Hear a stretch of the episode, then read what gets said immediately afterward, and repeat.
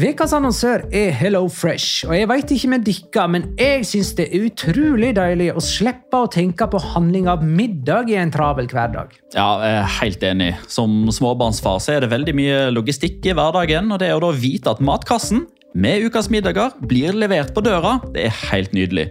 Da slipper du impulskjøp på butikken når blodsukkeret er lavt, og når du kommer hjem, kan du bare ta ut posen med dagens ingredienser fra kjøleskapet og sette i gang matlaginga. Ja, du kan velge mellom 25 ulike retter hver uke. Og de har faktisk en egen kategori som heter Raskt og enkelt, med masse enkle og gode oppskrifter. Veldig greit å ikke måtte ty til takeaway hver gang det er hektisk på jobb. Jeg gleder meg spesielt til sterk chilikylling i min neste kasse. Jeg blir sulten bare av å tenke på det. Ja, Det er ikke feil med bacon og cheeseburger heller, da. Og det som også er bra, er at matkassen koster det samme hver uke, som gjør det enklere å holde matbudsjettet. Ja, og så blir det ikke matsvinn heller, fordi du får akkurat det du trenger til hver eneste rett. Hello Fresh kan absolutt anbefales, og bruker du koden vår, LIGALOCA, kan du få opptil 1779 kroner i rabatt på de fem første matkastene hvis du ikke har prøvd Hello Fresh tidligere. Du kan også prøve koden hvis du har avslutta abonnementet ditt for tolv måneder siden eller mer. Gå inn på hellofresh.no og bruk koden LIGALOCA. Bon appétit! Hallo? Jeg kommer fra Oslo politikammer.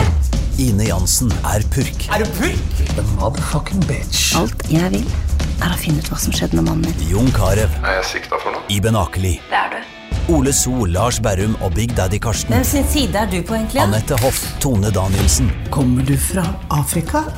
Jørnis Josef, Nesten. Kløfta. Trond Espen Seim. Det er synd å si det, men det var feil mann som døde. Purk. Premiere tirsdag på TV2 Play.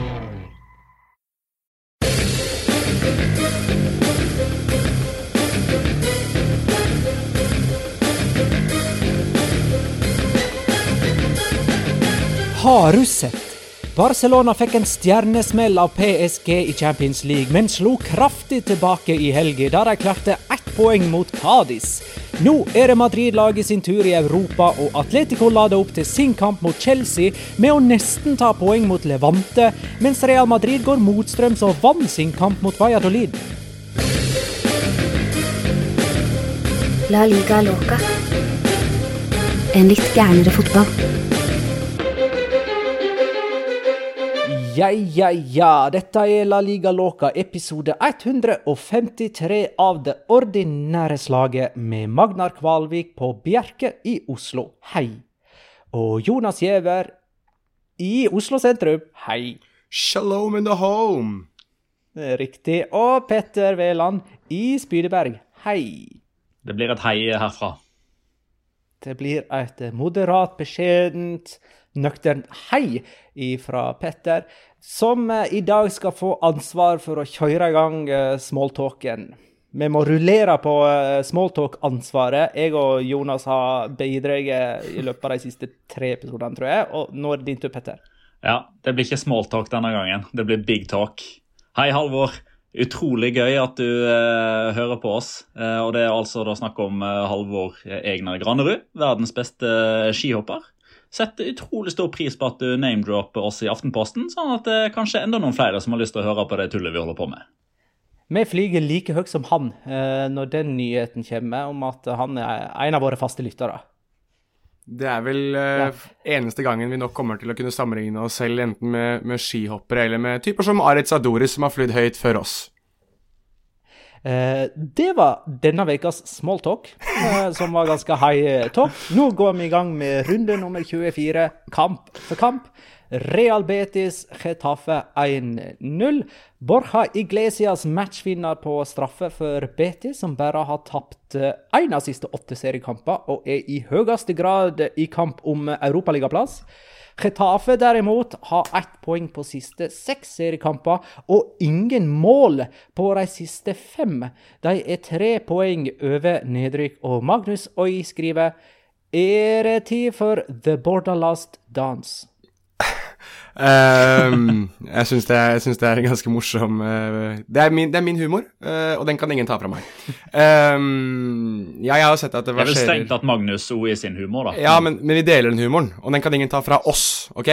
Uh, Anyways, jeg har sett at det, det verserer ulike uh, saker i spansk presse, om det kan være én kamp eller to kamper igjen før han får fyken, men jeg velger å tro, at de som kanskje vet det aller best, er Cadena Coppe, et spansk radiokanal som skriver og freder ham ut sesongen, og det synes jeg er på sin plass. Altså, Bordalas har gjort eh, Getafe til Jeg vil ikke si den, den, makthaveren de har vært, men i hvert fall til det laget som har vært med å, å utfordre og sparke det litt større i rumpa nå i et par sesonger, og tatt det inn i Europa League osv. osv. Så, videre, så at han skal få muligheten til å snu skuta, som definitivt er på nedadgående kurve, det synes jeg egentlig er, eh, er, på sin plass. Og så kan vi jo godt spekulere i om, om, jeg egentlig burde uttale meg, da jeg mest sannsynlig er partisk, fordi dette er faren min.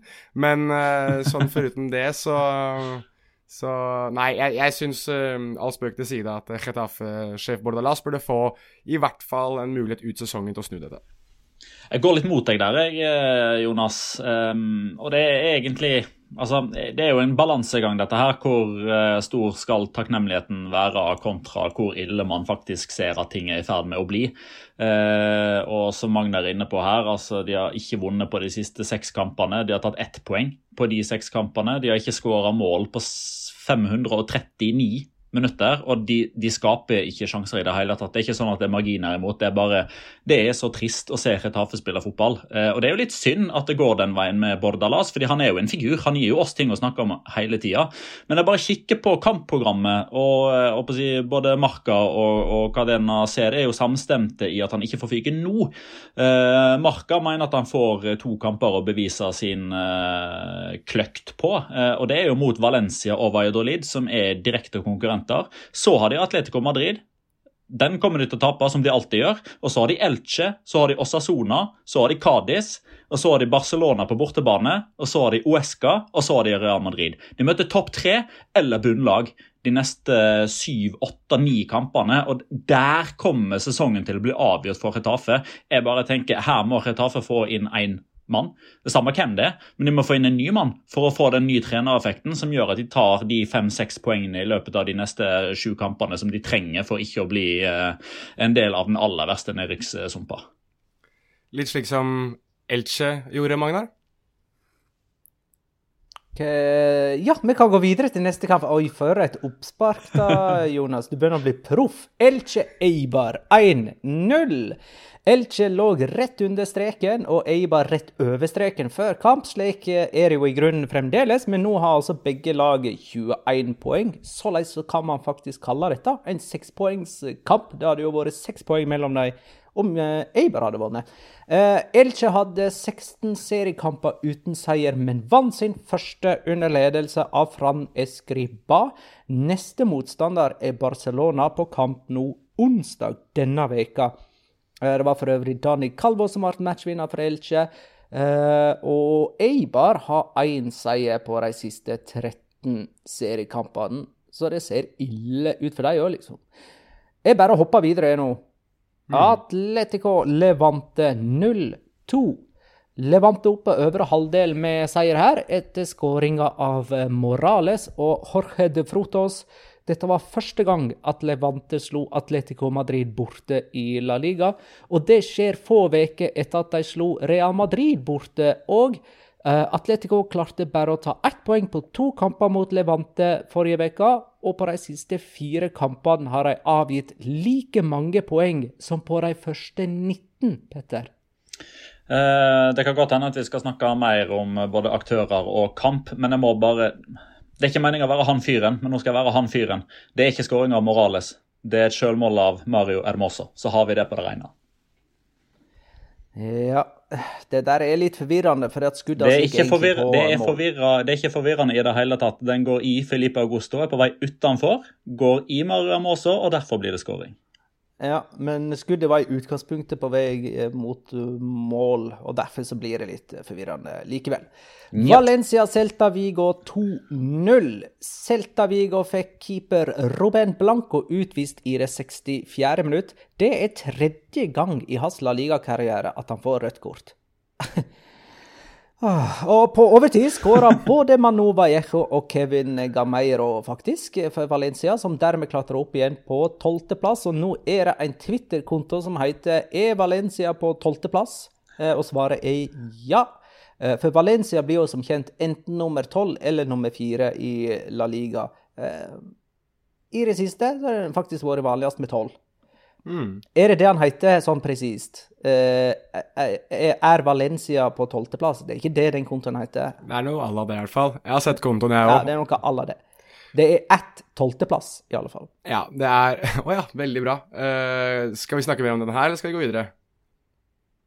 Vi trenger egentlig ikke å si så mye mer om altså, Vi har ikke tenkt å, å gå dypere inn i denne kampen senere, men jeg har lyst til å bare bemerke at Valencia, eller Mes- kamper på Mestalla, er på en måte som eh, blir på en måte ekvivalenten til femmila på langrenn. At du kan, du kan vente til det er igjen fem kilometer eller noe sånt. Det er først da det er spennende å se på eh, femmila. eh, Og når Valencia spiller kamp for Valencia, så kan du vente til det er 90 minutt, og så slå på kampen, og så se hva som skjer. For her kommer skåringene i det 94. og 98., eller noe sånt.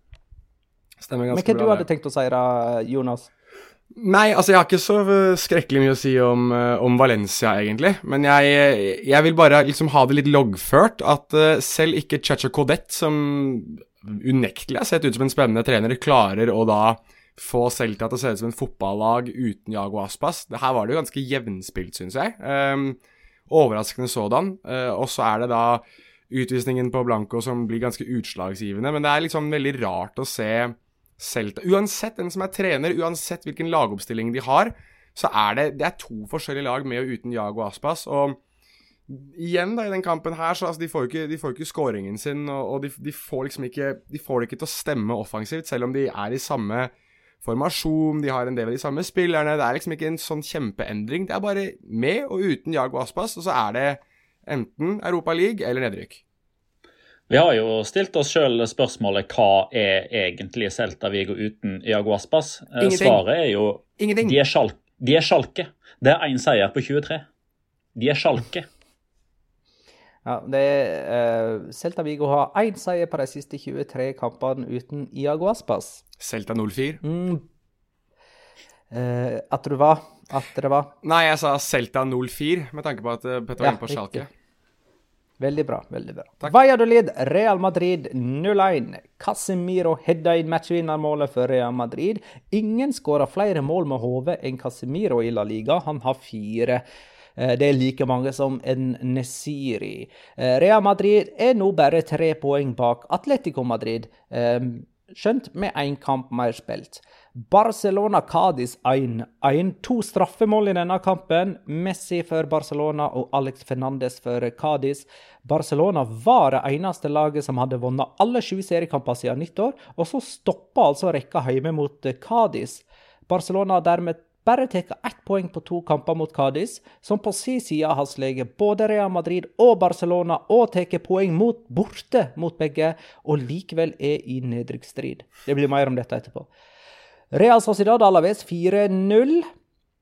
Ikke bare har Alexander Isak nå skåra i seks strake seriekamper, han har også fått sitt første hat trick i La Liga. Han har skåra ni mål på disse seks oppgjørene. Det er jo Messi-tall, faktisk. Eh, Real Sociedad er oppe på femteplass. De er fire poeng bak Sevilla, som spiller i kveld, mandag 22. februar, mot Osasona i Pamplona. Mm, opptur for Real Sociedad. Dette her etter det der eh, pinlige tapet, må vi vel kunne si. 0-4 hjemme for Manchester United i Europaligaen eh, torsdag. Eh, der var vel Forsvaret tilbake til gamle synder, i det europaligaoppgjøret? Ja, og når du sier hjemme, så er det kanskje verdt å nevne at hjemme var jo da i Torino. Altså, de spilte jo ikke i uh... Sånn var det, faktisk. Ja, Mm. og det er jo Det syns jeg er et underkommunisert poeng. At uh, de, mange var sånn Ja, men hvorfor er de så ekstremt gode mot Alaves, og så er de bånn i bøtta mot Manchester United? De spilte jo hjemme i begge kampene. Er det sånn at La Liga er så ræv dårlig sammenligna med Europaliga og Premier League? Og er det samme tulleargumentet hver gang? Ehm, og jeg tror at mye av svaret er det at de spilte jo ikke hjemme. De spilte jo på en annen arena. De spilte eh, igjen, altså Tomme tribuner er jo overalt, men de, de spiller på omgivelser ikke de kjenner til. Og, Og så tror jeg, tror jeg, hvis vi skal gi Manchester United noe eh, fordel her, så er det det at de kjenner nok litt mer til de kveldene der enn det Real Sociedad gjør. Og det var ganske åpenbart etter hvert at eh, Lareal kastet alle sammen framover i håp om å, om å få, få, noe ut av eh, kampen. Og jeg vet ikke helt om de hadde gjort det på hjemmebane. Um, men de var jo da borte på hjemmebane, som gjorde at de kanskje ikke hadde den der samme risikotenkningen. Jeg vet ikke. Det var i hvert fall litt sånn merkverdig, og i tillegg også merkverdig at bortemålsregelen teller i de oppgjørene her. Det syns jeg er um, litt sånn smått merkverdig. Ja, der satt jeg og venta. Det der var egentlig Q Petter. Uh, ja, men, men nå tok Jonas jo... det, så da slapp jeg. Hæ? Ja, Nå har Jonas tatt det, så da slipper jeg. Men jeg er jo helt enig. altså Bortemålsregel gjelder i en kamp der det er nøytral bane. altså det, det går jo mot alt det bortemålsregelen egentlig er innført for. Ja. Kai Slupphaug spørre er Alexander Isak månens spiller. Det er han eller Messi. Det, han eller Messi. Ja, han bør jo, bør jo blått bli det. Altså, Messi har jo nå skåra i de siste seks eh, La Liga-kampene han, eh, han, har spilt. Eh, det har jo òg nå Isak gjort, som vi har vært inne på her. Og jeg syns det er litt interessant å se i i tida framover nå om han makter å holde det gående. Altså Nå kommer jo Real Madrid på bortebane, og så er det Levante og så er det Granada. Det er muligheter for å skåre mål i alle de tre, tre kampene der. fordi Alexander Isak har jo gått fra å være en mann som har eh, brent en del sjanser. I hvert fall i, i høst, på høstparten der så skåra han langt mindre enn hva man kunne forvente ut ifra eh, ja, hvem han spilte for og hvem han er på lag med og hva slags sjanser han ble satt opp på. Mens nå går jo nesten alt inn. Eh, altså Nå er han jo i sånn flytsone. Så jeg håper jo for hans del at dette blir normen, at dette her blir regelen. Og at eh, man ser tilbake på den høsten 2020 eh, som, et, eh, som en litt sånn unntaket. da, Der han, eh, ja, der han rett og slett ikke var eh, god nok foran mål. Brant masse sjanser og ble jo ikke det soleklare førstevalget foran William Chassé, som man kanskje trodde. William Chassé fikk jo spille nesten like mye til tross for at han hadde åtte tær utenfor klubben.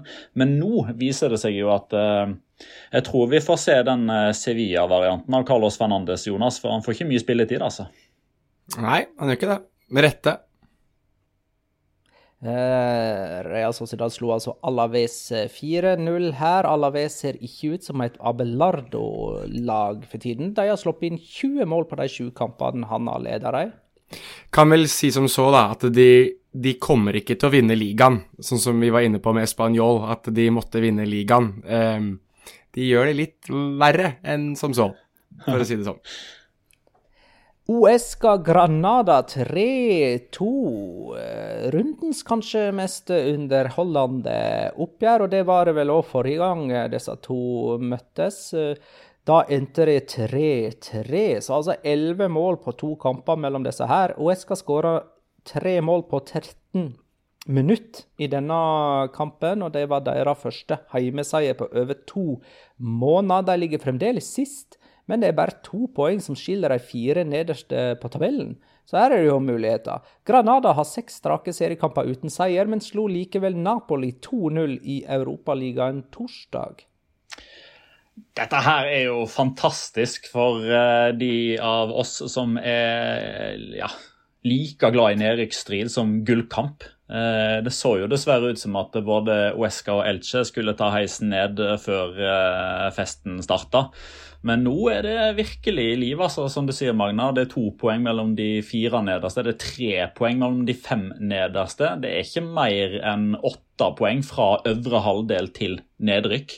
Så noe Altså, hvis, hvis, det ikke er minst, minst fem kamper i siste serierunde som involverer nedrykkslag, så blir dette her en gedigen skuffelse.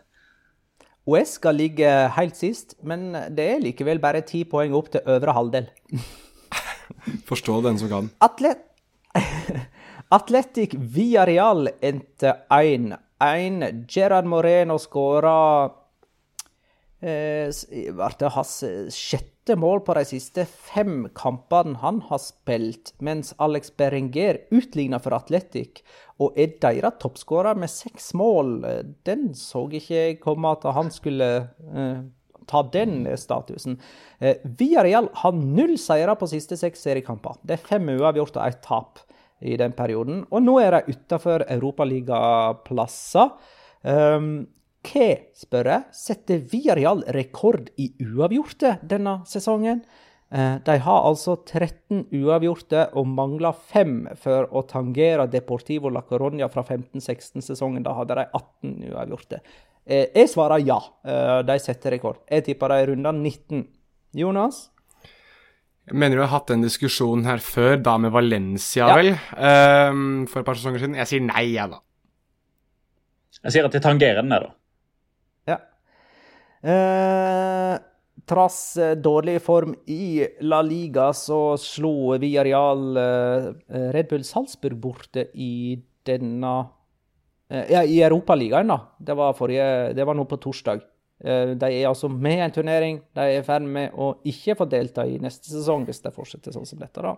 Nei, For det som skjer, de vinner jo Men Europa League og kanskje de spiller spiller Champions League. Champions League neste sesong, Yep. ja. De vinner Yep. jo selvfølgelig Europa. Der har du det. Mm, det er Unai Emery-ligaen, det. Mm. Eh, Eh, kan, Osasona Sevilla er ikke spilt når vi lager denne episoden. Mandag klokka 21 blir den spilt. Jonas? du gikk så kjapt eh, forbi eh, den kampen mellom Atletic og, og Villarreal. Spørsmålet mitt var jo litt ble, Var det meg, eller virket Inyaki Williams som han ble litt sånn småfurten over at Berenger løp den ballen i mål? For den, den var jo ikke på vei inn. Men da Altså, Berenger ble jo kvesta av Pau Torres på, på målstreken der, og det så liksom ut som Inyaki Williams var sånn Ja, men seriøst, bare la den gå i mål, da. Og la meg få den scoringa, da. Jeg skjønte liksom ikke helt den derre Hvorfor ble han så gretten der? Liksom Iker Moniaim, og det var vel Var det Juri Bercice som måtte bort og liksom si til ham Du, det går greit, liksom. Vi, vi scora jo faktisk et mål. Var det bare jeg som noterte meg det? Nei, jeg tenkte jeg, ikke- jeg merka meg humøret til Williams der, ja. Men jeg, jeg tolka ikke det som at han så på Berger som en måltyv. Altså, Jeg la jo merke til at det var litt sånn avmålt stemning der. sånn typ, eh, Her visste noen at de var i offside eller hadde tatt ballen med hånda. Men jeg tror kanskje det var det at de så at eh, Alex Berenger eh, fikk ganske vondt når han ble, når han ble behandla Ja. på den måten han gjorde av Pau Torres. Det er jo Nei, men da kan vi gå litt mer i dybden, da, nå som vi er ferdig med runde 24, kamp for kamp. Vi kan begynne med toppen, og det er faktum at Real Madrid på en måte blir rundevinner her, da, ettersom de vant sin kamp mens Atletico tapte.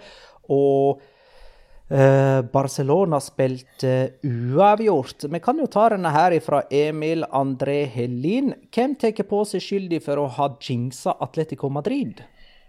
Det blir meg. Jonas Det, det, blir meg. ja. det er meg. Jeg, jeg, jeg blir jinx-konge nå. Men kan jeg, kan jeg stille spørsmål til oss da, i studio, holdt jeg på å si? Eller i våre respektive studioer? Um, og da spør jeg, stiller jeg bare spørsmålet på spansk. I-liga? I-liga? ja. Ai mas mass-liga, i alle fall. Men skal ikke vi bare trekke tilbake at Atletico Madrid har vunnet ligaen, og så heller vente til vi faktisk har fasit på dette? Petter, jeg får sånn Dette har vi tatt mer eller mindre for gitt nå de siste, ja, den siste måneden, at Atletico tar tittelen, men det føler vi altså ikke trygg på. Nei, jeg begynner å få sånn Kepa Rizabalaga til Real Madrid-vibrade det her nå. Uh, vi var jo helt klare på at det kom til å skje òg, like klare som vi er på at Atletico Madrid vinner ligaen, så Nei, Jeg får være den som stikker huet fram og sier at dette her kommer de fortsatt til å vinne. Nei. Eh, Men det er gøy at det lever. Bevares. Det er jo det vi vil. enig. Og det blir jo fort spenning. Altså, det er greit nok at eh, Atletico for en tid tilbake hadde et veldig stort forsprang.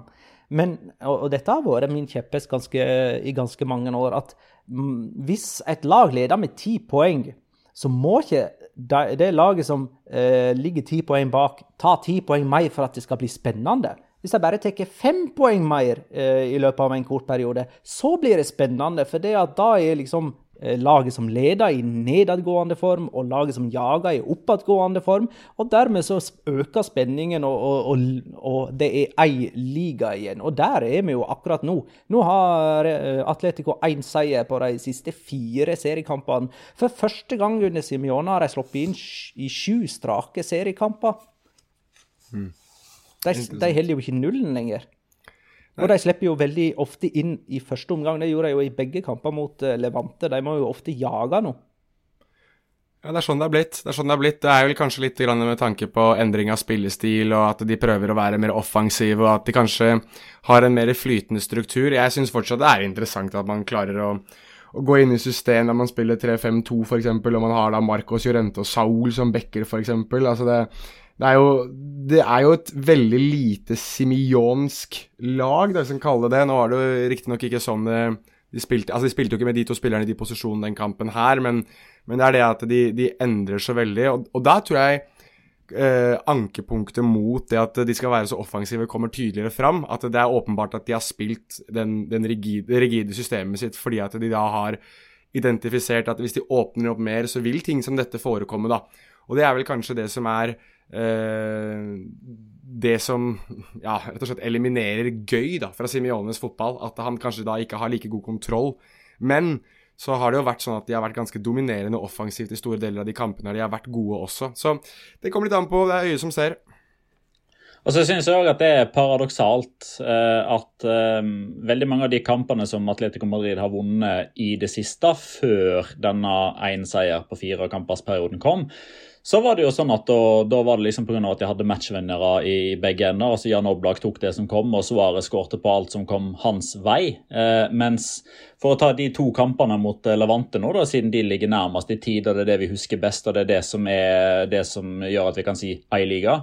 Altså De har tatt ett av seks poeng mot Levante i eh, to kamper der de har hatt 42 skudd. 17 av de har gått på mål. De har spilt Dette er rent subjektivt for min del de har spilt noe av sin beste fotball i de to kampene der. Og produsert og skapt og beveget seg. Mønstrene har sittet. Det eneste som mangler, eller det som har stått i veien, er først Eitor Fernandes på onsdag og Dani Cardenas på lørdag.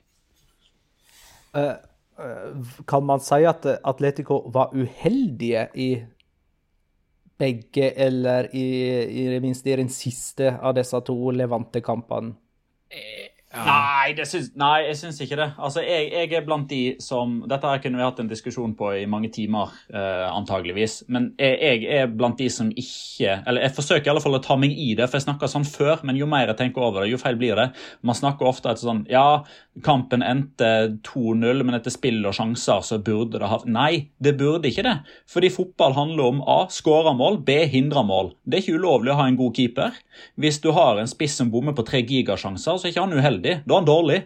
Eh, Levante var flinkere til å skåre mål, som jo er poenget i fotball, i løpet av de to kampene mot Atletico Madrid. Så sånn, Med mindre det skjer noe, altså at man føler seg ekstremt bortdømt osv., så, videre, så syns jeg det er helt feil å snakke om ting fortjent og ufortjent. Fordi fotball handler om én ting, det er å skåre mål. Hvis du ikke klarer det, da er du primært udyktig. Jeg liker, liker... Ja, går du, Magnar? Ja, vær så god, Jonas. Nei, jeg skulle bare si at Nei, kjør du. Jeg liker den der dype analysen til Petter her nå, om at uh, fotballag som skårer mer mål, vinner, la, vinner, kamper over lag som ikke skårer mål i fotballkamper. Det er, uh, det er, høy klasse på analysene til Petter. Og, men altså, det er noe spesielt med at uh, Dani Cardenas står bare sin andre seriekamp, og det, det, er kanskje den beste han kommer til å stå i, i sitt liv. Elleve redninger, det er og han får Jan Oblak til å se ganske liten ut. Og Jan Oblak har jo egentlig det man kan kalle en tabbe eh, på slutten her òg, ettersom målet står nå åpent da, på den eh, 2-0-skåringen. Nå er ikke det sånn at de elleve redningene til Cardenas er alle sammen sånn kjempebra, men tre av dem er faktisk det. Og det er jo ikke, det er ikke sånn at eh, det at uh, gode keepere har tre strålende redninger i hver kamp de spiller. Så det var, det var, ganske ekstraordinært. Hadde du tenkt å si noe nå, Jonas? Ja, og det er jo her uh, Petters argument faktisk holder vann, og jeg vinner han tilbake etter å ha slaktet hans veldig dyptgående analyse.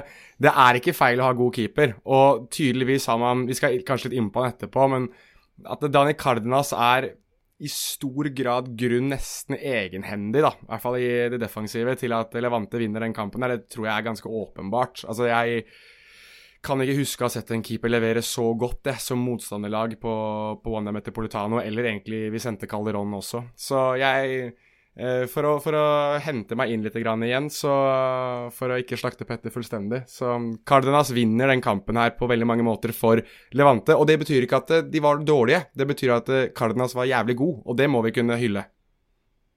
Og så må vi òg hylle Jorge de Frotos, eh, som vel ennå ikke har blitt nevnt eh, mer enn i forbifarten i denne podkasten. Han har gjort seg eh, høy og mørk nå, han, han trenger litt eh, omtale. Altså, Tre mål i seg sjøl er jo ikke nødvendigvis så wow, men han har sju målgivende i tillegg. Og dette er en mann som starta sesongen som eh, tredjevalg i sin posisjon ute på høyrekanten, og som jo eh, skårer dette målet fra ja, Det er jo altså det målet som er skåret fra lengst hold da, til nå i La Liga. i og med at Han var så vidt inne på eh, Atletico Madrid sin banehalvdel, men helt ute på sidelinja. Så avstanden fram til mål var jo faktisk mer enn 50 meter, selv om, var, selv om han var på Atletico Madrid sin banehalvdel. Og Dette kom jo etter at uh, Jan Oblak hadde vært oppe i feltet på en Atletico Madrid-corner ja, og, og, jeg bare... faktisk ville ha straffe. da. Spørsmål, Magnar. Mener du at eh, Jan Oblak skal inn i skyld i baklengskolonna i Excel-arkene mine fordi han gikk opp, og dermed står målet åpent? Eh, nei, jeg tror, ikke, jeg tror ikke det. Det blir, mer, det blir, mer, sånn indirekte skyld, men her er det flere aktører som er med i avgjørelsen om, eh, på at han blir med fram sikkert, og ja, situasjonsbetinga og dette der, da. Da er vi enige. Eh, du, skal du, Jonas, få, få et siste ord eh, om eh, denne kampen? Jeg syns du så, hadde ei hånd oppe. Ja, jeg, Siden Petter stilte Magner et spørsmål, så kan jeg stille Petter et spørsmål. Vil du si at uh, overgangen til De Frotos har båret frukter for Levante? Den, den, liker jeg meget godt, i og med at Frotos da er frukt på spansk. Eh, Daniel Kåbo Låne spør har Simione sin strategi endelig blitt funnet ut av av La Liga-trenere. Og hvordan går kampen i midtveka mot Chelsea? Én ting jeg har lyst til å si om Atletico Madrid. Uh, og, det, det, og, dette skal vi kalle det 3-4-3-systemet. Det er jo at de har sånne her wingbacker. Og det er jo at de mangler Trippier og Carasco eh, på hver sin kant der. Det er ganske hemmende, virker det som. Og det er jo tilfellet mot Chelsea, og så vidt jeg eh, har forstått. altså Trippier vet vi jo er ute, men ja, Carasco òg, kanskje. Ja, ja. riktig. Så, og Jimenez. Så, ja. ja, José Maria Jimenez er ute òg. Mm. Ja, der ser du. Og det har vel prega kanskje Atletico litt i det siste. Ja. Der, Men de spiller jo hjemme, mindre... da, så det har jo ikke så veldig mye å si. Hæ? Men de spiller jo hjemme, ja. så det ja, har jo ikke så veldig mye å si. Hjemme i Bucuresti. Uh, I dag har vi litt uh, problem med Skype-forbindelser. Vi ligger litt sånn her, uh, snakker litt i munnen på hverandre og har litt sånn her, uh, forsinkelsesproblemer. og jeg sier forbløffende mye 'hæ' i dag. Eh, sånn eh, går det av og til. Men er Atletico Madrid litt mindre favoritter mot Chelsea nå enn det vi først eh, antok, da? Petter? altså, for en som uh, følger oddsmarkedet ganske tett, så har jo oddsen sunket på Chelsea. Altså at deres prosentandel har gått opp. De er jo faktisk favoritter nå til å ta seg videre over to kamper. Um, det skyldes nok først og fremst nettopp det vi har jeg, harselert litt med. Chelsea skal ha en hjemmekamp og en kamp på nøytral bane, mens Atletico Madrid skal ha en kamp på nøytral bane og en bortekamp. Eh, bortemåls, bortemålsregelen da gjelder for, eh, for, Chelsea på den nøytrale banen. Så det, det, endrer jo forutsetningene. Jeg syns det er fryktelig synd at det blir sånn. Det er jo, altså, I Spania så sier de jo adulteración, altså de ødelegger konkurransevilkårene når man har det på den måten der. Men det får eh, håpe altså Simione kommer jo aldri i verden til å bruke det som en unnskyldning. Det, det skal han ha masse ros for. altså Du finner aldri noen sånne der, eh, dumme unnskyldninger eller det var andres feil. Altså Hvis Atletico Madrid taper mot Chelsea, så kommer han til å si at det var fordi Chelsea skåra flere mål, og da fortjener de seieren. Eh, men eh, Atletico Madrid jeg vet ikke helt hvor jeg har de nå. Altså, jeg synes jo, altså For å svare litt på spørsmålet til uh, Kobo Låne, så er det jo um, Har motstanderlagets trenere funnet ut av Atletico Madrid? Både ja og nei. De har jo antageligvis da funnet ut hvor de er mer sårbare nå, i og med at de eh, skårer flere mål på Atletico Madrid. Kanskje i rommet bak bekkene, som jo står høyere. Kanskje er det det at eh, når man er to stoppere, så er det veldig mye enklere å fordele ansvaret mellom de to, kontra mellom de tre, altså flere kokker og mer søl osv. Men på en annen måte nei, for Atletico Madrid skaper jo mer enn noen gang før. Så hvis de hadde opprettholdt den samme effektiviteten, så hadde de jo vunnet de siste fire kampene her òg, istedenfor at de bare står med én seier på de fire. Så ja, alt er litt sånn situasjonsbestemt der òg. Atletico og Real Madrid møtes om to runder. Innen da skal Atletico møte Villarreal borte, og Real Madrid spiller hjemme mot Real Sociedad, så det er ikke utenkelig at de er A-poeng når de møtes til derby madrileño. Um, du veit at Magnar har lyst på jevn liga når han budsjetterer med Villarreal-seier mot Atletico, altså? Ja. Ja. Eh, det var eh, overraskende vending. Jeg, jeg ser den. Eh, Mariano spilte for Benzema mot Valladolid og fikk to mål annullert for offside. det er slik backupen til Benzema skal operere. Alvaro Morata har liksom satt standarden der. Det var altså Casemiro som ble matchvinner for Real Madrid, som vel ikke imponerte her, Petter?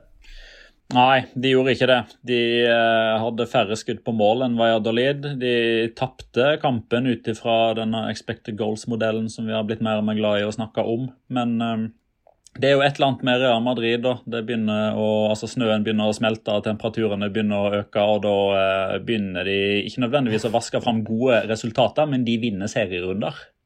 Ja, er, Mathias spør hvordan vinner Real Madrid kamp etter kamp uten at man ser noe som helst tendenser til kampplan og taktisk identitet? Han har låna våre uttrykk fra forrige episode. Det liker jeg.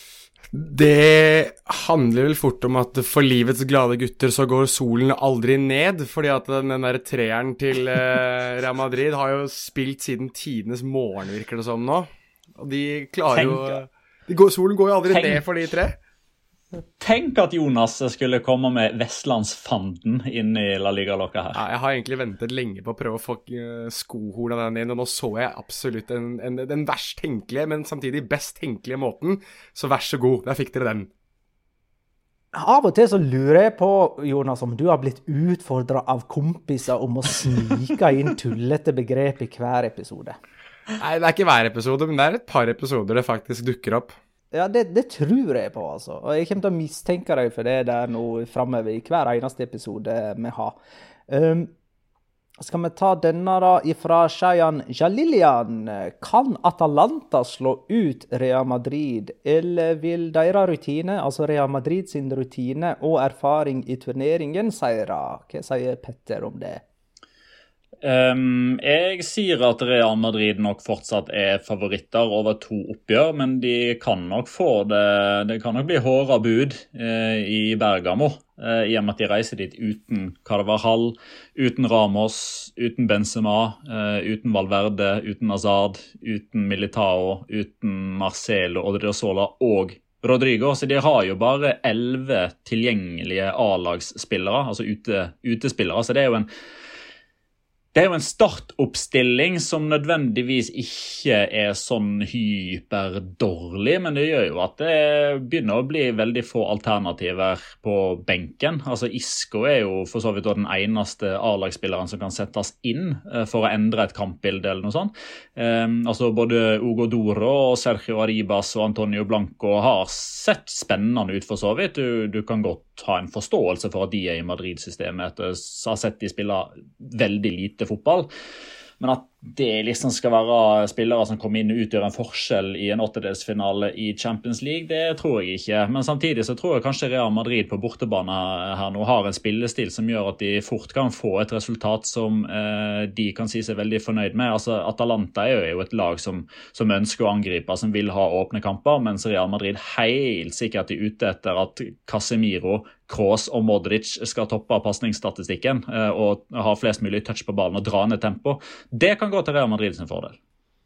Nå sa Petter en del av det jeg hadde tenkt til å si, men uh, på slutten der. Men jeg er enig, veldig enig i det. Real Madrid kommer til å gjøre alt de kan for å dra ned tempoet og prøve å vinne på rutinen sin. Og det at de har langt mer erfaring i den turneringen her enn det Atalanta har. Men samtidig så ser jeg noe sånn um, type Ajax i det der Atalanta-laget. Ikke at de kommer til å gå hele veien til en semifinale, men det at de kan ta Real Madrid litt på den der, Uh, det pågangsmotet de har i den troppen, og det at de ønsker å spille et høyere tempo og har bedre relasjoner kanskje i laget enn hva mange forventer. Altså, De vant 4-2 mot Napoli sist serierunde. Det er et lag som er uh, kapable til å skåre tonnevis av mål, både på hjemmebane og på bortebane. Så jeg, jeg, um, jeg tror at på en måte så er det nok den beste matchen for Real Madrid hva angår rutine, men på en annen måte så er det også den verste matchen for Real Madrid, fordi at Atalanta er et lag som kommer til å angripe og angripe og angripe, angripe, angripe, og kommer til å skåre i hvert fall i et av disse oppgjørene her, om ikke i begge oppgjørene. Så øh, men så gleder jeg meg da, Magnar. Jeg kommer til å følge spesielt med på Louis Moriel. For det hadde jo vært fantastisk gøy hvis Louis Moriel plutselig danser over Real Madrid, og vi må snakke om han i en episode. Det er litt sånn som hvis jeg skulle nå måtte snakke om Nordin Amrabat i et par episoder framover.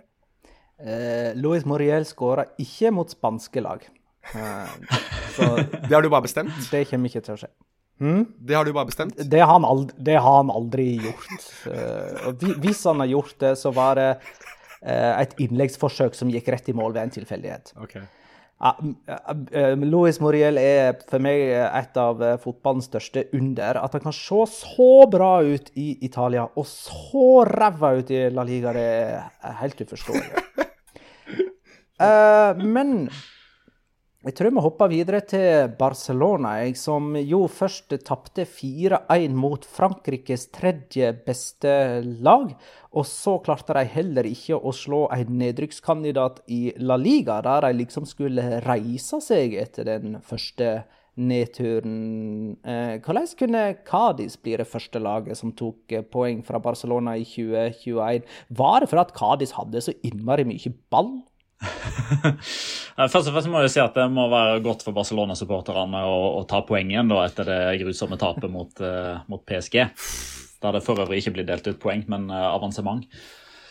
Altså, jeg er ganske sikker på at det var etter det omvendte oppgjøret at vi snakka så vidt om Alvaro Servera eh, og måten han satt på pressekonferansen etter kampen og utbasunerte hele sin fotballfilosofi. Eh, vi snakka ikke nødvendigvis om at vi var enige i alt han sa, eller at eh, han er svaret på alt og fasiten på hvordan fotball skal spilles, men at det var så deilig å ha fotballtrenere for de litt mindre lagene i Spania som faktisk satt og delte tankene sine. Fordi når det er pressekonferanse med Zidane og Simeone og, og Koman, så er det bare spørsmål om økonomi spillerkjøp og Haaland og Ødegaard og Sander Berge og alt som jeg har med Norge å gjøre, bortimot.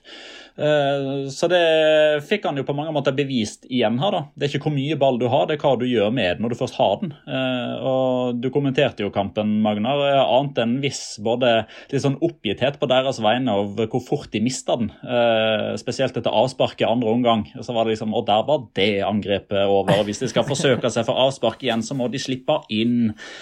Og så skal det jo bare en liten detalj til, da. En eh, Ruben Sobrino som er, som er smart, eh, og som eh, gjør det han kan for å få det straffesparket når Clement Longlet sparker så vidt borti foten hans. Og mer skal det ikke til. Og Barcelona kan jo bare skylde seg sjøl for det første at Clement Longlet i det hele tatt kom i den situasjonen ved at de ikke skårer på flere målsjanser. Jeg tror Kadis hadde bare 19 eh, ballbesittelse. Og de hadde vel ikke noe særlig mer da de slo Real Madrid på Valdebebas i høst heller. Så de har jo tydeligvis De er best uten ball, eh, tror jeg. Skulle du si noe, Jonas? Ja, eh, jeg tar en titt på statistikken her. Det er altså 18% kommer jeg til her på det jeg sitter og leser hva angår ball possession, og det er jo det er ikke noe særlig Eh, bedre eller verre, holdt jeg på å si. Men jeg tenker jo at Barcelona er sin egen største fiende, da. Altså, de, de, de virker som i, i, starten av denne kampen her så er de, de er påtent, de angriper, de forsøker, de vinner ballen høyt. De ser litt mer ut som seg selv. Men så faller de i den samme fella i, i, kamper hvor de virker som de skrur av. og Jeg vet ikke om det er at de har innkassert poengene eller hva det er for noe, men, men de virker som de skrur av i andre omgang. da, Og da, da, da, blir, du, da blir du straffet hardt i La Liga. Men hva tenker vi om at hvor man gir eh, startelveren til de samme elleve som starta eh, mot PSG? Altså, jeg forventer jo at her er Kåman en trener som ikke lar sånt gå upåakta enn. Altså, jeg forventer fire-fem endringer her nå. Altså, jeg, vet ikke om det handler om at han ønsker at de skulle reise kjerringa litt. At, altså, nå har dere blitt pissa på av Mbappé og resten av PSG nå i 90 minutter. Skal dere prøve å vise litt mer hva som bor Ponga huevo, som det heter på spansk. Altså vis ballene dine, som er den, den rette oversettelsen på det. Altså mann dere opp og bli store voksne karer igjen i neste kamp. Um, men det backfirer jo, da. Så jeg lurer litt på hvordan den mentale styrken i det Barcelona-laget er. Vi skal kanskje litt inn på det etterpå. Men Um, jeg tror at det Barcelona-laget her de, er, altså de, de, trenger en opptur så vanvittig sårt nå. Og det, det kommer jo ikke noe sted hen, virker det som. Men det er litt snodig. Det blir veldig tydelig når de spiller i eh, Champions League og taper 3-0 mot Roma, 4-0 mot Liverpool, 8-2 mot Bayern München, 4-1 mot eh, PSG at Barcelona liksom ikke klarer det helt mot de store, og er ikke i det sjiktet der. Men de klarer det jaggu ikke mot de små heller. Altså, I fire av de siste fem sesongene så har Barcelona avgitt poeng hjemme mot nyopprykka lag. De tapte 2-1 hjemme for Alaves i 16-17. De spilte 0-0 mot Retafe i 17-18-sesongen. Tapte 1-2 for Osasona forrige sesong. Det var en helt avgjørende kamp. Det var det som gjorde at Real Madrid kunne løfte trofeet. Og de spilte 1-1 mot Cádiz nå. Så det er jo tydeligvis sånn at eh, Barcelona eh, ja, de har mista mye av sitt de siste åra. Og jeg forsto det sånn på dere at dere hadde litt lyst til å snakke om det kommende presidentvalget, som nå er eh, to uker unna. Eh, og hvilken retning Barcelona skal gå videre nå, og hvor mye som faktisk må gjøres for at de skal komme opp på det nivået de en gang var. Jonas? Ja, jeg vil i hvert fall nevne Tony Freisha, som er den kandidaten man kanskje vet minst om. Man har jo hørt veldig mye om Victor Font og, og Jean Laporta, og det er nok de to som er de store favorittene. Men i dag, altså mandag 22.2, så har man jo sett Tony Freisha, den siste kandidaten, melde litt om hva slags planer han har for Barcelona. Det er interessant å se kanskje underdogen i alt dette her, da, melde om at han har en investor klar som har lyst til å pumpe inn 250 millioner euro og at han snakker om at de skal hente tre superstjerner, altså to angrepsspillere og én forsvarsspiller, og også da går så langt å si at det er ikke umulig å hente både Mbappé og Haaland. Um, på engelsk så har du et begrep, eller på amerikansk blir det mer riktig, har du et begrep som heter 'swinging for defenses'. Altså Det er når du virkelig Det er en baseball-analogi. Når du virkelig trenger en home run, så går du for å slå ballen ut av stadion og da få en home run. Det er det Tony Freisha gjør her nå. Han går for absolutt alt med å bare hamre til og si at han har penger og han skal kjøpe Mbappé og Haaland og vondt verre. Og jeg tror ikke noe av det stemmer. Jeg tror ikke Tony Freisha blir den som blir stemt. Men eh, jeg syns egentlig også det reflekterer litt på hvor sårt tiltrengt det er at man får en opptur i Barcelona nå når du faktisk da har en presidentkandidat som virker som han nesten benytter seg av supporternes misnøye ved det å nærmest love gull og grønne skoger. Og det er jo ikke første gang det skjer, men jeg syns uansett det er interessant at man velger å gjøre det eh, i dag, mandag, eh, etter først å bli pissa på av PSG, og så da denne kampen her mot Cádiz. Altså Opptur er det jo helt åpenbart at Barcelona trenger, og det hadde vært veldig fint. Men det mest nødvendige er vel egentlig å bare få stabilitet. Mm. Uh, altså å få én person som kan ta ansvar for alt som skjer der. Uh, som kan være ei rettesnor, som kan være et moralsk kompass. Som kan fortelle hva som er greit og hva som ikke er greit. Uh, som er en president med utøvende makt som kan snakke med folk med pondus. Fordi det er jo ingen voksne som er hjemme. Altså, det, det er hjemme, det er hjemme alene-fest som går over styr. Og ingen tar ansvar og sier at nå er det på tide å slokke lyset og skru ned musikken og stoppe å drikke og gå hjem. Det er jo det som er det store problemet. Eh, og det kommer til å fortsette så lenge det ikke er en president der. Eh, og det vil det være i to uker til. Men eh, er det rett av meg å tolke det sånn som dette, at det er to fløyer på en måte internt i Barcelona? Den ene, I den ene enden så har du de som dyrker liksom Cruyff-stilen og Cruyff-modellen. De som eh, vil at eh, Barcelona skal være en slags eh, nesten en slags ideell organisasjon der man bygger opp eh, La Masia-talentet sine og ikke er en kommersiell bedrift som skal ha disse her sponsorpengene, men sjøl på en måte skape sin egen økonomi gjennom å drive fornuftig og produsere sin egen talent. Mens i den andre fløyen så har du den rake motsetningen der man tenker at man må følge den moderne fotballen, tjene masse penger gjennom sponsorat. Om, om pengene da kommer fra Qatar, så er det helt greit. Og man kan tjene masse penger på å kjøpe store stjerner, nesten som med en sånn her Galacticos-modell. Og er det i så fall sånn da at Victor, Victor Font og Juan Laporta er i Cruyff-enden av skalaen, og Freisha i den kommersielle enden av skalaen, Jonas? Jeg tror du treffer litt riktig, eh, men jeg tror eh, John Laporta står med én fot i begge leirer der. Jeg. jeg tror han er den som er midtpunktet, mens jeg tror Freisha er den kommersielle mannen, mens Victor Font er jo åpenbart den som er mest eh, romantisk rundt Barcelona. Og det er jo det som jeg tror gjør at John Laporta har en fordel, fordi han har jo sittet veldig lenge nå og egentlig ikke sagt så veldig mye og latt alle andre komme med sin pitch, og så kan det være at han er den siste til å da komme med, med sin utbrodering, hvordan han ønsker å, å, endre eller eh, revolusjonere Barcelona en gang til, og da vite nøyaktig hva hans kandidater har gått ut med. Victor Font tok jo på en måte eh, føringen her ved å, å, legge ut om dette som førstemann, nesten. Eller i hvert fall den som hadde det mest storslått. Han var jo den som meldte seg som president først, vel, av absolutt alle, eller ville bli president og sto liksom i, i, um, i bresjen for det å, å velte Bartomeo. Og så har jo egentlig Laporta meldt seg på relativt sent, i hvert fall offisielt. Mens Freisha har um, Han har jo vært i kulissene lenge, da. Han har vært, var han, liksom, jeg husker han og han Emily Rousseau var liksom de to som, uh, som var liksom de to bankmennene, hvis jeg kan kalle det for det. da. Jeg vet ikke om Freisha er bankmann, men han er i hvert fall de som er kommersielt og økonomisk mest ansvarlige, mens Font er den drømmende, og så har du da Laporta som er gjedda i sivet. Og det tror jeg gjør at Laporta kommer til å vinne dette, for at han har nå sittet og sett hva er det folk egentlig ønsker. OK, da går jeg inn med det folk ønsker. Og det har han gjort tidligere og vunnet valg tidligere på det å si det folk ønsker at han skal si.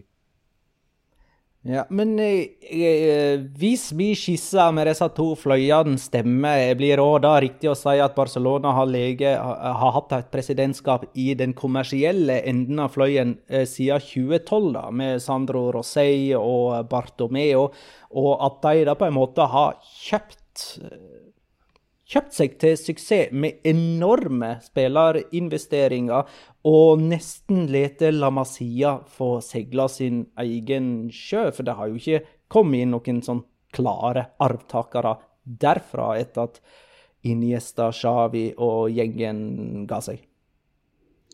Nei, og så er jo spørsmålet om historien er håper jeg, bare sånn at man har valgt å kjøpe stjerner i stedet for å dyrke sine egne, eller om en del av historien her òg er at den eh, 87-, 88-, 89-generasjonen er litt sånn one of a kind. Eh, en man aldri kommer til å se igjen.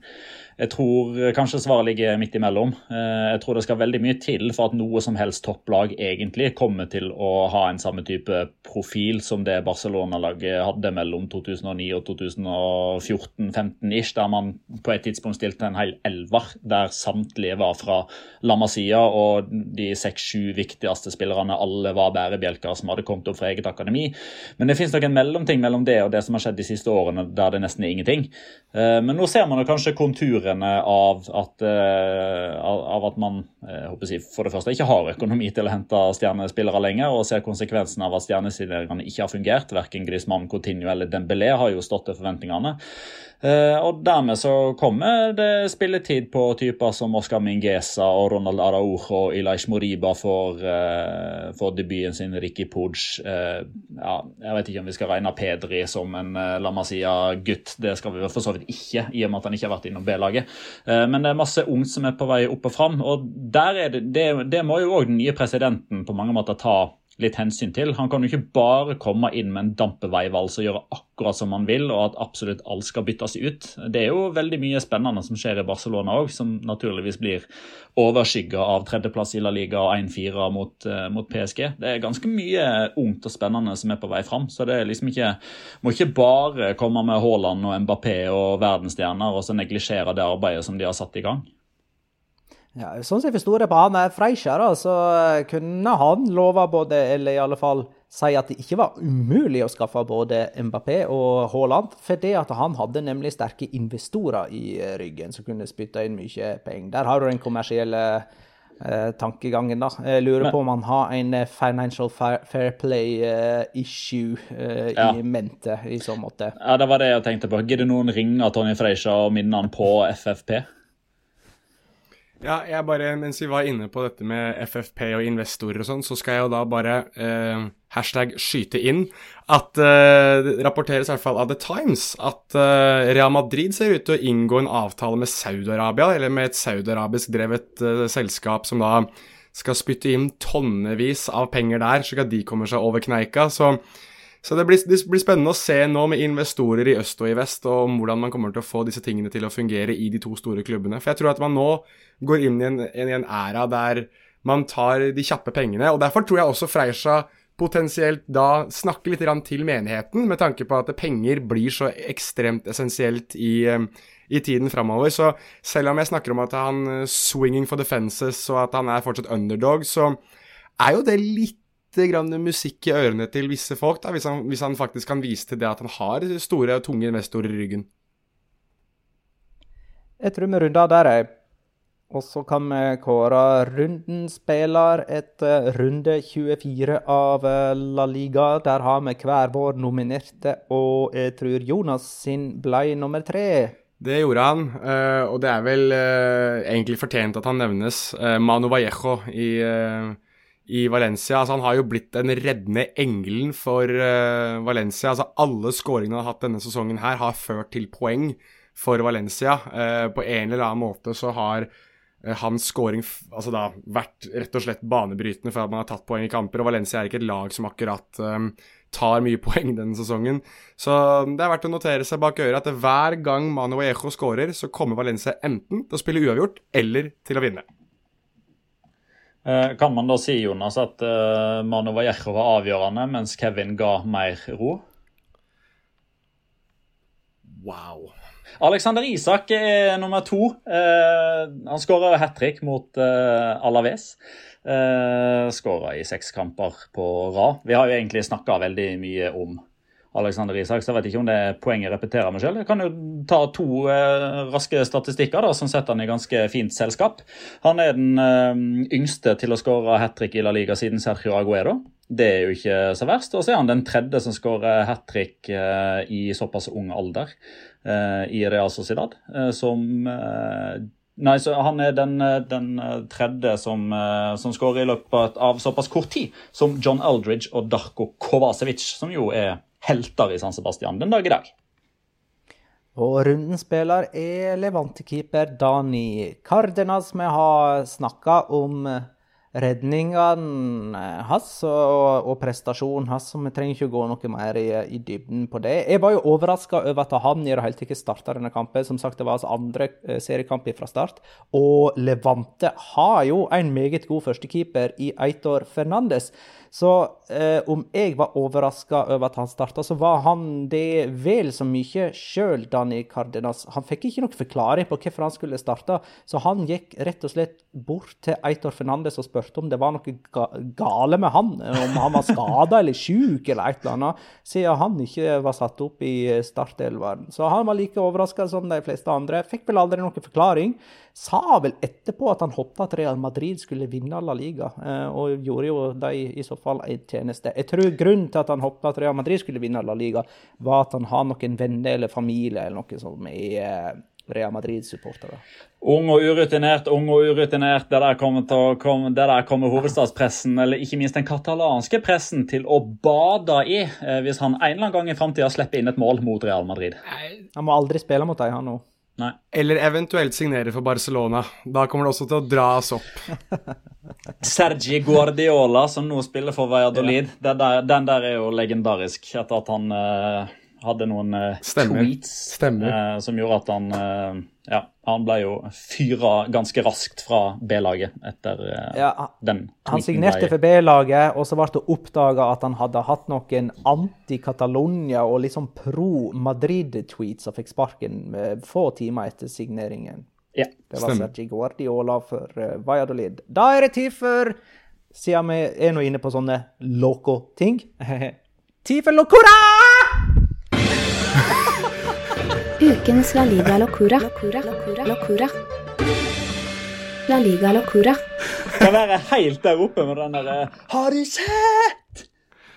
Ja, det var eh, Jeg har ikke varmet opp stemma i dag, åpenbart. Hun knakk sammen eh, på introen av eh, Locoraen. Jeg kan begynne jeg, eh, i dag, eh, siden eh, rundens spiller eh, var Levante-keeper Cardenas. Så kan jeg fortsette litt i den tråden. Levante elsker nemlig å møte serieledere. Denne sesongen så slo de altså Atletico Madrid, som var suverene serieledere på det tidspunktet. Forrige sesong slo Levante Barcelona mens de toppa, og Real Madrid mens de toppa La Liga. Og sesongen 17-18 så slo de jo Barcelona 5-4 da de toppa La Liga og var på vei mot en historisk sesong som ubeseira. Og alle disse triumfene her har kommet under ledelse av dagens Levante-trener Paco Lopez. Ei spesiell evne. Uh, Petter? Uh, ja, uh, ta en bitte liten en først, før jeg skal ta en ny som Jonas skal fylle på. Dette her blir gøy. Men Jonas, du spurte meg i stad, uh, eller du hadde et ordspill på de frutos, bære frukter osv. Mm. la meg stille deg et spørsmål. Hva er søndag på spansk? domingo. Ja. og på søndag, altså på domingo, så spilte Uesca mot Granada. Og på Granada ja Eh, så ble det gjort et spillerbytte etter sånn ca. 82-83.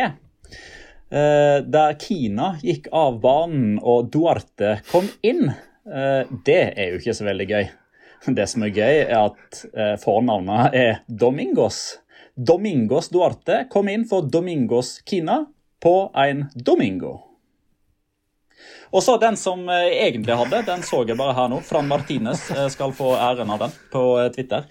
Men min locora er jo straffesituasjonen i Barcelona-Cádiz som fører til utligninga. Og nei, jeg skal ikke klage på VAR, jeg skal ikke si at straffen var billig eller riktig, eller snakke noe som helst om eh, taklinga til Clement Langlet. Jeg skal derimot snakke litt om hva han gjør eh, akkurat idet straffesparket blir tatt, eller rett før. For uh, i den nye, moderne fotballen så er det jo ofte sånn at straffespark må bli tatt om igjen hvis keeper går for tidlig ut fra strek, eller det er motstandere som er for tidlig inn i straffefeltet. Uh, Clement Lollé er ganske langt uh, nede etter å ha lagd straffespark og tenker hva kan jeg gjøre nå for å unngå at det blir mål imot?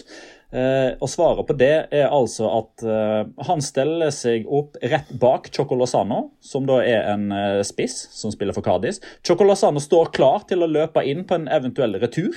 Han står og venter. Han er jo klar over at hvis han går inn for tidlig, så kan det hende at dommer blåser. Så det som skjer, er at Clement Longlet rett og slett dytter med strake armer, godeste Chocolosano, inn i feltet akkurat der straffen blir tatt, for så å stå med armene utstrekt og henvende seg til dommer etterpå og si Men dommer, dommer, må, dere må ta straffesparket på nytt. Han var for tidlig inn i feltet! Han var for tidlig inn i feltet! Altså, her snakker vi shithousery på nytt nivå, altså. Og i tillegg også klare å glemme, glemme, at det er VAR, da. Men eh, noe også Clemenon kanskje har glemt, er at det, kameratelefoner er jo veldig vanlig nå i, eh, i verden, egentlig. Altså Uansett hvor du er hen, så er det noen som har en, en, mobil med et kamera. Og derfor så ble man jo litt påminnet av kanskje dette vi snakket om med, med mentale eh, mentalt stress, eller at eh, Barcelona-spillerne er litt demotivert om dagen. For det var noen supportere som filmet Clement Longlet i bilen sin på vei vekk fra kampen. og jeg merker at jeg syntes det var litt sånn tungt å se på, for der satt han og gråt. Han satt og gråt inni bilen sin mens han prøvde å kjøre unna, og prøvde å gjemme det eh, mest mulig ved å liksom ha hånda foran ansiktet og se litt ned, og, og, egentlig prøve å skjule seg mest mulig. Så jeg fikk litt sånn vondt av Clement Longlet som satt der og gråt eh, tilsynelatende i, i, bilen sin, og at det ble lasta opp med sånn sad musikk på eh, på eh, TikTok eller hva det var for noe, at han satt og gråt, at det ble gjort litt harselering med det. Og Det går i hvert fall igjen i spansk presse nå. Eh, at uh, Clement Langlet virkelig tok, uh, tok, det tungt da, da han har forårsaket poengdeling for, uh, for, Barcelona. Og Så vil jeg ta en siste veldig kjapt, for det var egentlig det som var uh, locoraen min før dette her skjedde.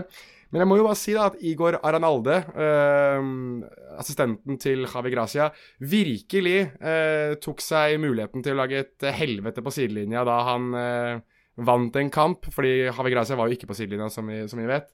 Da Chacho Codet egentlig bare skulle takke ham for kampen, så gjorde han liksom Han passet på å da lage litt sånn turmulter på sidelinja og stå 'Ikke rør meg! Ikke rør meg!' til, til Codet. Og det, jeg så Codet liksom stå og rista på huset. Hva er hva er det du hva er det du driver med, liksom? Mens da Aranalde gjorde mest mulig da han først var i spotlighten, og prøvde å lage en eh, litt sånn eh, shithousete situasjon. Det var i Valencia Celta Vigo, det, som var vår eh, tippekamp. Den endte 2-0 til Valencia med Manu Vallejo som første målskårer. Jeg hadde der 1-2 med Patrick Cotrone som første målskårer. Det gir meg null poeng. Jeg har 22. Petter hadde 1-1 med Maxi Gomez som første målskårer. Det er null poeng, og du står med 17. Jonas hadde 0-0 og ingen målskårere. Det gir null poeng, og du har 9. Men, Ja. men, men altså Det må jo være noe sånn derre til når du har gått inn i det 90. minutt, og du har 0-0. Nei. Nei, ok. Nei. Nei. Nei vel. Nei. Eh, Det hadde, hvis det hadde stått 0-0 etter 90 minutter og det var ekstraomganger, så hadde du fått den. Ja vel, da. Neste kamp har jeg bestemt er Sevilla-Barcelona lørdag klokka 16.15. Jeg er først og sier Sevilla-Barcelona 1-2 og Messi. Petter. Um, her blir det faktisk en eh, reprise fra Copa del Rey-semifinalen. Det blir 2-0. Uh, men første målskårer denne gangen uh, blir uh, Enesyri. Mm. Og Jonas. Ja, nei, jeg tenker jo at uh, jeg må være litt spenstig her, da, og prøve å komme med noe bra. Og jeg har jo truffet én gang i denne sesongen sånn helt og holden, så vi går jo for suksessoppskriften. For her, mine venner, ender det 0-0, og det blir ingen målskårer. Garantert! Så bra! Da har ikke jeg mer å si eh, i dag. Ikke heller Ikke jeg heller. Jeg er helt tom. Gode ting. Da takker vi for alle spørsmål og innspill vi har fått fra lyttere. Takk for at du lytta, kjære lytter. Ha det, da. Fly høyt.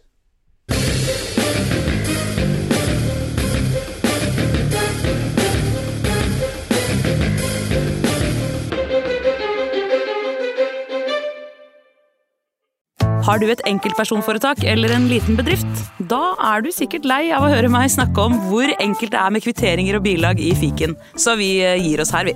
Fordi vi liker enkelt. Fiken superenkelt regnskap.